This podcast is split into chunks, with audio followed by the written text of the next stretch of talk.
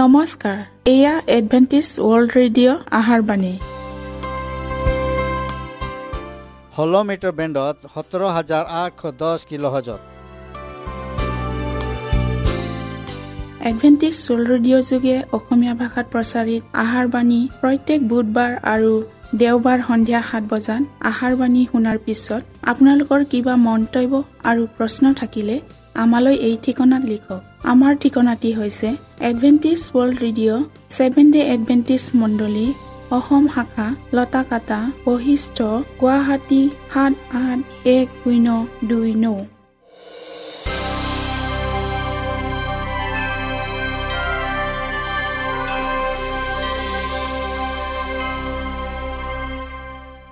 প্ৰিয় শ্ৰোতা বন্ধুসকল এতিয়া শুনো আহক এটি খ্ৰীষ্টীয় ধৰ্মীয় গীত।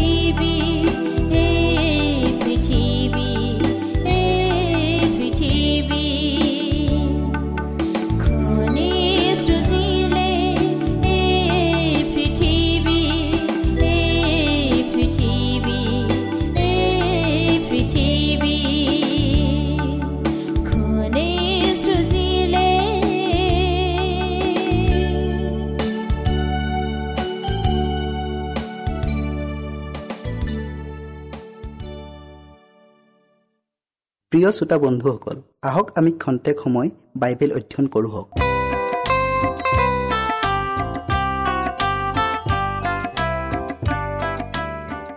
প্ৰিয় শ্ৰোতাসকল নমস্কাৰ। আজি আমি হেৰুৱা মেৰ ছাগলী এই দৃষ্টান্তৰ বিষয়ে অধ্যয়ন কৰোঁ হওক। শাস্ত্ৰ পদ হৈছে লোক পোন্ধৰ অধ্যায়ৰ তিনিৰ পৰা সাত পদলৈকে। ঈশ্বৰৰ বাক্য শুনাৰ আগতে আমি প্ৰাৰ্থনা কৰোঁ হওক।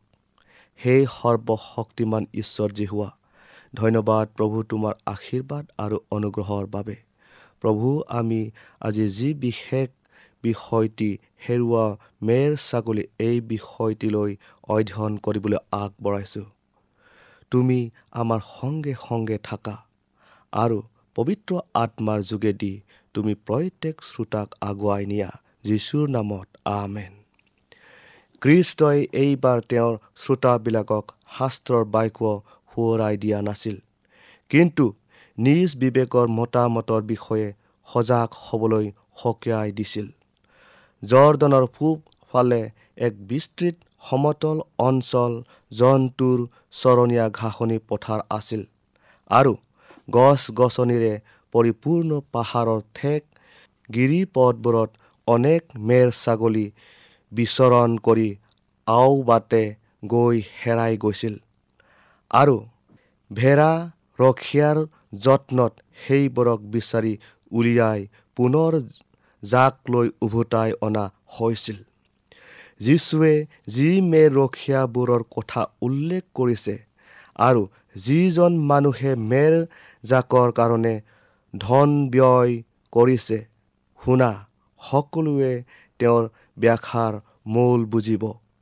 এশ মেৰ থকা কোনো মানুহৰ যদি এটা হেৰায় তেন্তে তেওঁ সেই নিৰান্নব্বৈটা মেৰ হাবিৰ মাজত এৰি হেৰুৱাটোক নাপায় মানে তাক নিবিচাৰে। এনে কোন মানুহ তোমালোকৰ মাজত আছে? যিবোৰ লোকক আপুনি ঘৃণা অৱজ্ঞা কৰিছে যীশুৱে কৈছে তেনে লোকবিলাকেই ঈশ্বৰৰ বিশেষ সম্পত্তি স্বৰূপ সৃষ্টি কৰা দ্বাৰাই হওক বা উদ্ধাৰ কৰা দ্বাৰাই হওক তেওঁলোক ঈশ্বৰৰ আৰু তেওঁৰ দৃষ্টিত সেই আটাইবোৰ মূল্যৱান যিদৰে মেৰ ৰখীয়াই তেওঁৰ নিজ মেৰবিলাকক যত্নেৰে প্ৰতিপালন কৰে আৰু এটাকো হেৰুৱাবৰ ইচ্ছা নকৰে সেইদৰে অসীম অনন্ত ঈশ্বৰৰ প্ৰেমেও সমাজৰ পৰিত্যক্ত লোকবিলাকক বঞ্চিত নকৰে। মানুহে ঈশ্বৰৰ প্ৰেমক অগ্ৰাহ্য কৰিব পাৰে। তেওঁৰ পৰা সিবিলাক আঁতৰি যাব পাৰে। সেইবিলাকে অন্য এজনা গৰাকী বাছি ল'ব পাৰে। তথাপিও সিহঁত ঈশ্বৰৰ আৰু ঈশ্বৰে নিজ লোকৰ উদ্ধাৰৰ ইচ্ছা কৰে। তেওঁ কৈছে ভেড়া ৰখীয়াই ছিন্ন ভিন্ন হোৱা নিজ ভেড়াবোৰৰ মাজত থকা দিনা নিজৰ ভেড়া জাজক বিচাৰি উলিওৱা নিচিনাকৈ মই মোৰ ভেড়াৰ জাজক বিচাৰি উলিয়াম আৰু মেঘে ঢাকি আন্ধাৰ কৰা দিনা সেইবোৰ ছিন্ন ভিন্ন হোৱা আটাই ঠাইৰ পৰা মই সেইবোৰক উদ্ধাৰ কৰিম। জিহিচকেল চৌত্ৰিছ অধ্যায়ৰ বাৰ পদ। প্ৰিয় শ্ৰোতাসকল দৃষ্টান্তত কোৱা হৈছে এটা হেৰুৱা মেৰ ছাগলী বিচাৰিবলৈ মেৰ ৰখীয়াজন ওলাই গ'ল যিটো সংখ্যাত অতি নগণ্য। সেইদৰে ভ্ৰষ্ট হোৱা এজন লোকৰ কাৰণে কৃষ্টই নিজৰ প্ৰাণ আহুতি দিলে।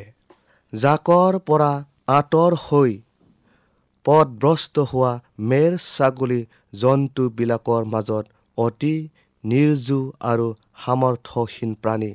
সেয়ে ইয়াক ৰখীয়াদাৰ দ্বাৰাই নিবিচাৰালৈকে নিজে ঘূৰি অহাৰ পথ বিচাৰি নাপায়। সেই একেদৰে ঈশ্বৰৰ পৰা আঁতৰি গৈ পথভ্ৰষ্ট হোৱা ব্যক্তিজনো হেৰুৱা মেৰ ছাগলীটোৰ দৰেই সহায়হীন আৰু ঐশ্বৰিক প্ৰেমেৰে তাক উদ্ধাৰ নকৰালৈকে ঈশ্বৰলৈ ঘূৰি অহাৰ পথ হয়তো কেতিয়াও বিচাৰি নাপাব। যি মেৰ ৰখীয়াজনে তাৰ জাকৰ এটা মেৰ ছাগলী হেৰাইছে বুলি জানিলে আৰু বাকীকেইটা নিৰাপদে গঁৰালত আছে ইয়াক সি অমনোযোগিতাৰে দৃষ্টি কৰি নকয় মোৰ এতিয়াও নিৰান্নব্বৈটা মেৰ ছাগলী আছে। হেৰুৱাটোক বিচাৰি গৈ ক্ষতিগ্ৰস্ত হৈ হাৰাশাস্তি হোৱাতকৈ মেৰ ছাগলীটো নিজেই উভতি আহক। জাকৰ মাজত সোমাবলৈ মই গঁৰালত দুৱাৰ মুকলি কৰি দিম। জাকৰ মাজৰ পৰা মেৰ ছাগলীটো নোখোৱা হোৱাৰ লগে লগে দুখ বেজাৰত চিন্তাত জ্বৰ জড়িত নহয়।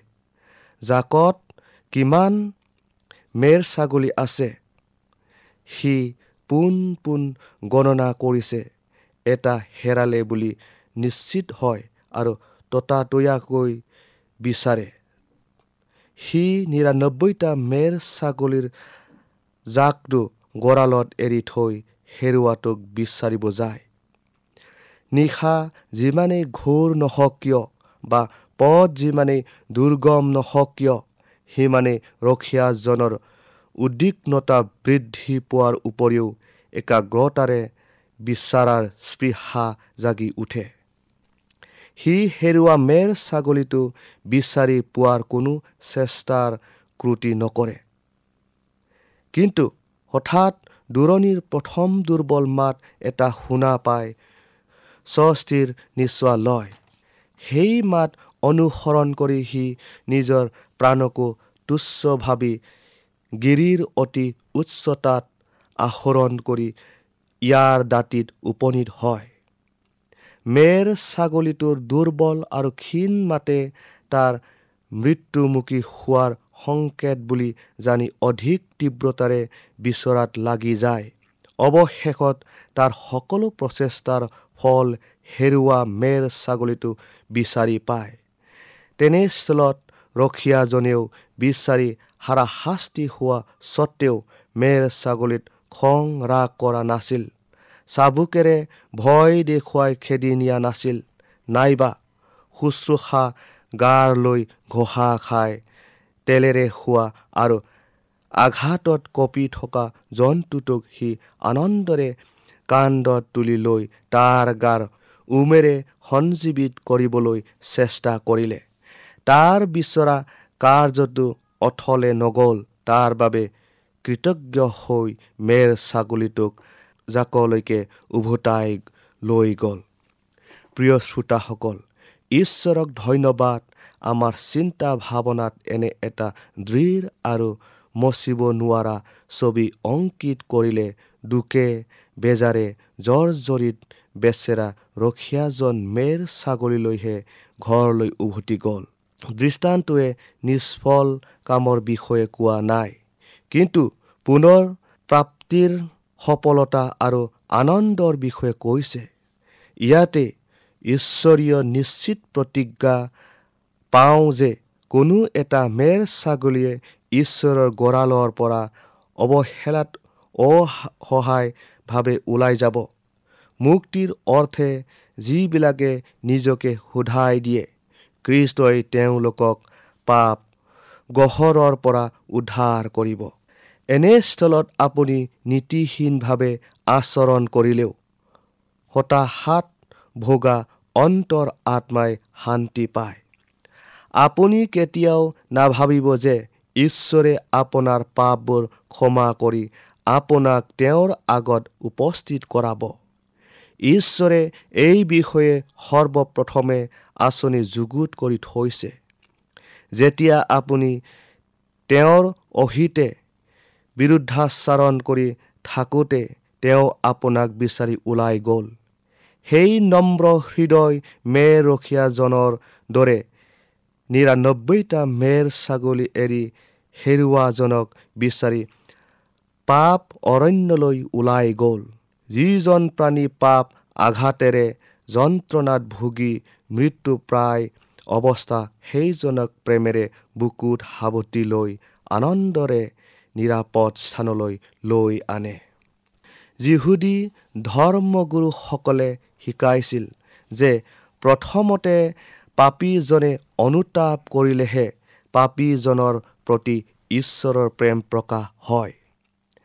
তেওঁলোকৰ মতে অনুতাপ হৈছে ধৰ্মবিধিৰ এটা অংশ বিশেষ যিহৰ দ্বাৰাই মানুহে ঈশ্বৰৰ অনুগ্ৰহৰ যোগ্য হ'ব পাৰে।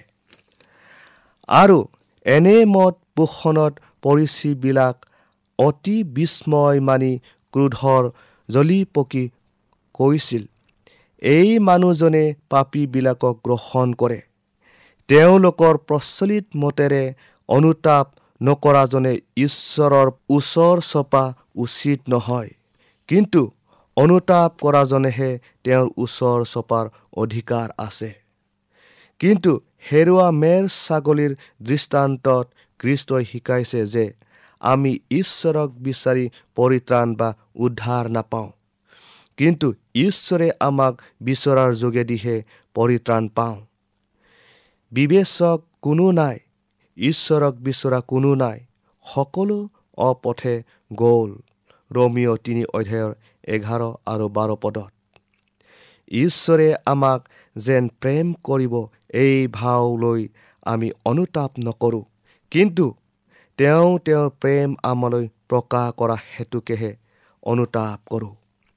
প্ৰিয় শ্ৰোতাসকল অবাটে যোৱা মেৰ ছাগলীটো অৱশেষত ঘৰলৈ নিয়া হ'ল আৰু ৰখীয়াজনৰ কৃতজ্ঞতাক মহা আনন্দেৰে সুললিত গীত গানেৰে ব্যক্ত কৰাৰ সুযোগ দিলে। সি তাৰ বন্ধুবৰ্গ আৰু ওচৰ চুবুৰীয়াক মাতি ক'লে মোৰে সৈতে আনন্দ কৰা কিয়নো মোৰ হেৰুৱা মেৰটো পালোঁ।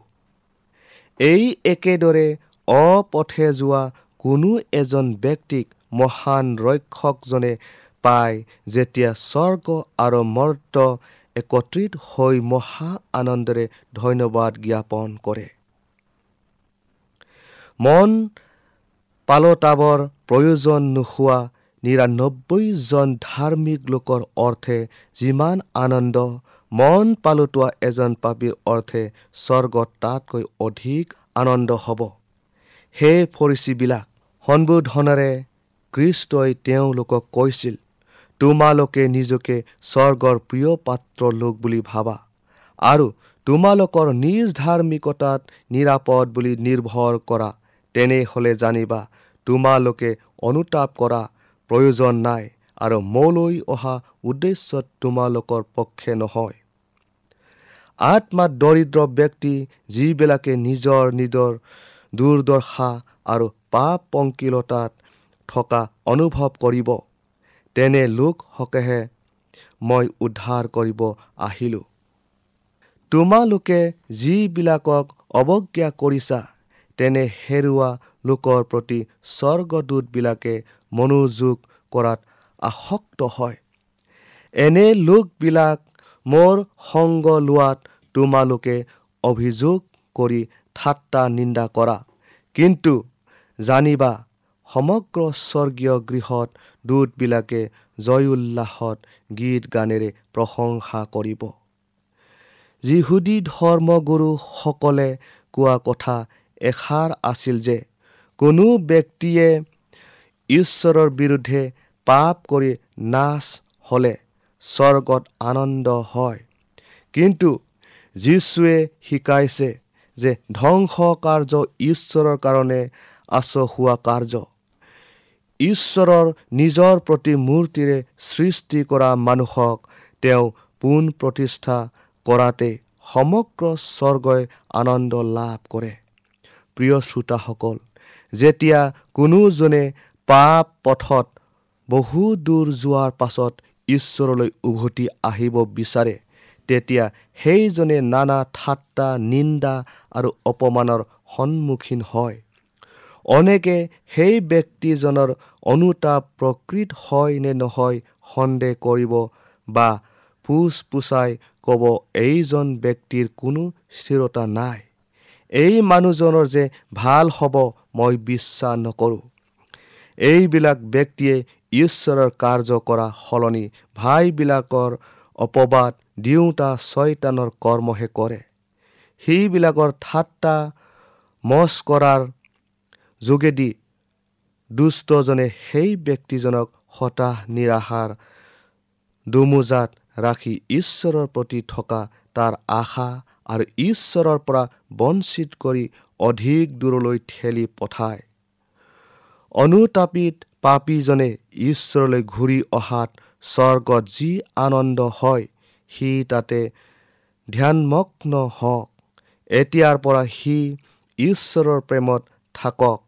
আৰু ফৰিচীবিলাকৰ অৱজ্ঞাৰে কৰা ঠাট্টা নিন্দাৰ দ্বাৰাই কোনো ৰূপেই যেন হতাশ নিৰা নহয়। যদি হেৰুৱা মেৰ ছাগলীক সময়ত জাকলৈ উভতাই অনা নহয় তেতিয়া ই নমৰালৈকে ভ্ৰমি ফুৰিব। এইদৰে অনেক ব্যক্তি উদ্ধাৰ কাৰ্যত হাত আগবঢ়োৱাৰ অনিচ্ছাত ধ্বংসৰ পথলৈ অগ্ৰসৰ হয়। এই পদভ্ৰষ্ট ব্যক্তিবিলাকক নিৰ্দয় আৰু নিষ্ঠুৰ যেন দেখা গ'লেও আনে যি ধৰণে আচাৰ ব্যৱহাৰ পাইছে তেনেধৰণৰ ব্যৱহাৰৰ দ্বাৰাই প্ৰভাৱান্বিত হ'লে নিজ ব্যক্তিত্বৰ সুপৰিচয় মহৎ দক্ষতাৰে কাৰ্যত নিমজ্জিত হ'লহেঁতেন। স্বৰ্গদূতবিলাকেও পদভ্ৰষ্ট হৈ ভ্ৰমি ফুৰা লোকবিলাকক দয়া কৰে। কিন্তু আনৰ দুখত দুখী নহৈ নিজ মন কঠোৰ কৰে তেতিয়া সেইবিলাকে চকুলো ঢুকে হেৰা পৰীক্ষিত আৰু পদভ্ৰষ্ট হোৱা লোকৰ প্ৰতি গভীৰ অন্তৰস্পৰ্শী অভাৱৰ লোক। হেৰা নিজৰ স্বাৰ্থ বিচাৰি আনৰ হকে দয়া বিচৰাজন প্ৰিয় শ্ৰোতাসকল কৃষ্টৰ দৃষ্টান্তত উক্ত কথাৰে সৰীচীবিলাককহে তিৰস্কাৰ কৰিছিল ইয়াক তেওঁলোকে বুজি পাইছিল।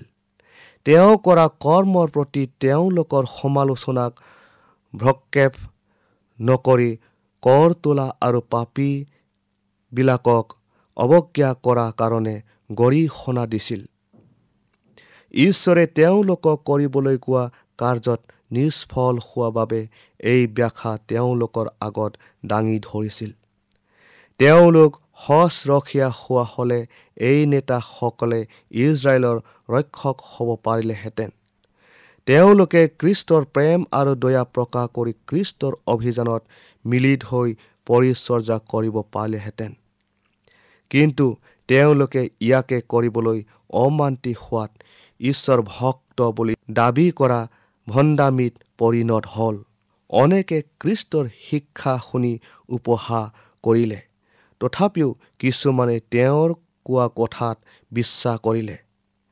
ইয়াকে ভিত্তি কৰি কৃষ্টৰ স্বৰ্গাৰোহণৰ পাছত পবিত্ৰ আত্মাত নামি আহি তেওঁৰ শিষ্যবিলাকক একত্ৰিত কৰি যি কাৰ্য হেৰুৱা মেৰ দৃষ্টান্তত বৰ্ণনা কৰি দেখুৱাইছে তাকে কৰিবলৈ উৎসাহিত কৰিলে। প্ৰিয় শ্ৰোতাসকল এই দৃষ্টান্তৰ বিষয়ে আমি ইয়াতে সামৰিলোঁ। আশা কৰোঁ আপোনালোকে এই অনুষ্ঠান শুনিবলৈ নেপাহৰিব। ঈশ্বৰে আপোনালোকক আশীৰ্বাদ কৰক।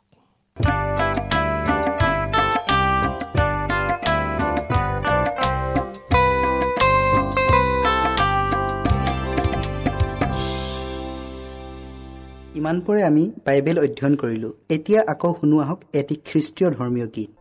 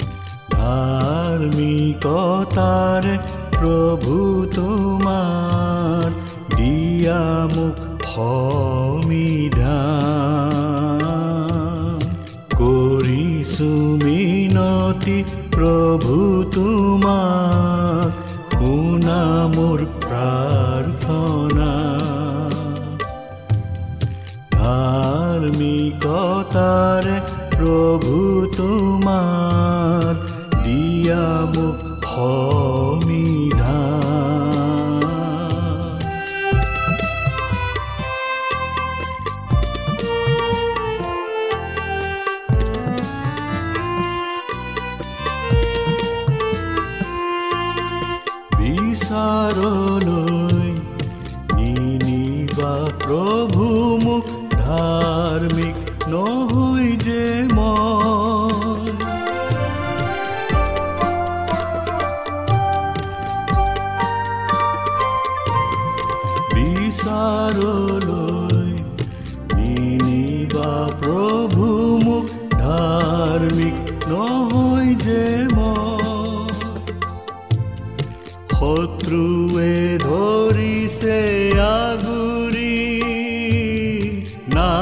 কৰিবলে জীৱন সতা কৰিছো মিনতি প্ৰভু তোমাক শুনা মোৰ প্ৰাৰ্থনা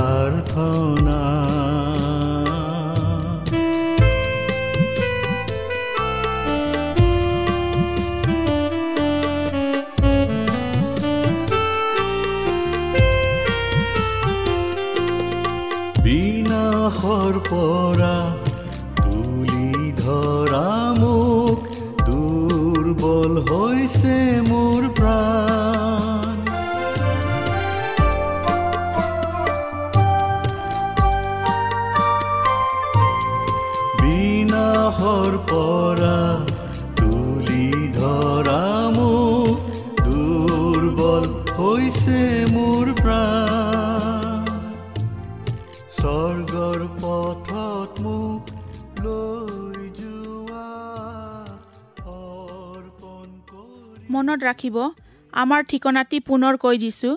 Adventist world radio' Assam region of seven day Adventist voice of hope Latakata Basistha Guwahati seven eight one zero' two nine প্ৰিয় শ্ৰোতা বন্ধুসকল এডভেণ্টিজ ৱৰ্ল্ড ৰেডিঅ' যোগে আহাৰবাণী প্ৰচাৰত আপোনালোকক পুনৰ লগ পোৱাৰ আহাৰে আজিলৈ সামৰিলোঁ। ধন্যবাদ।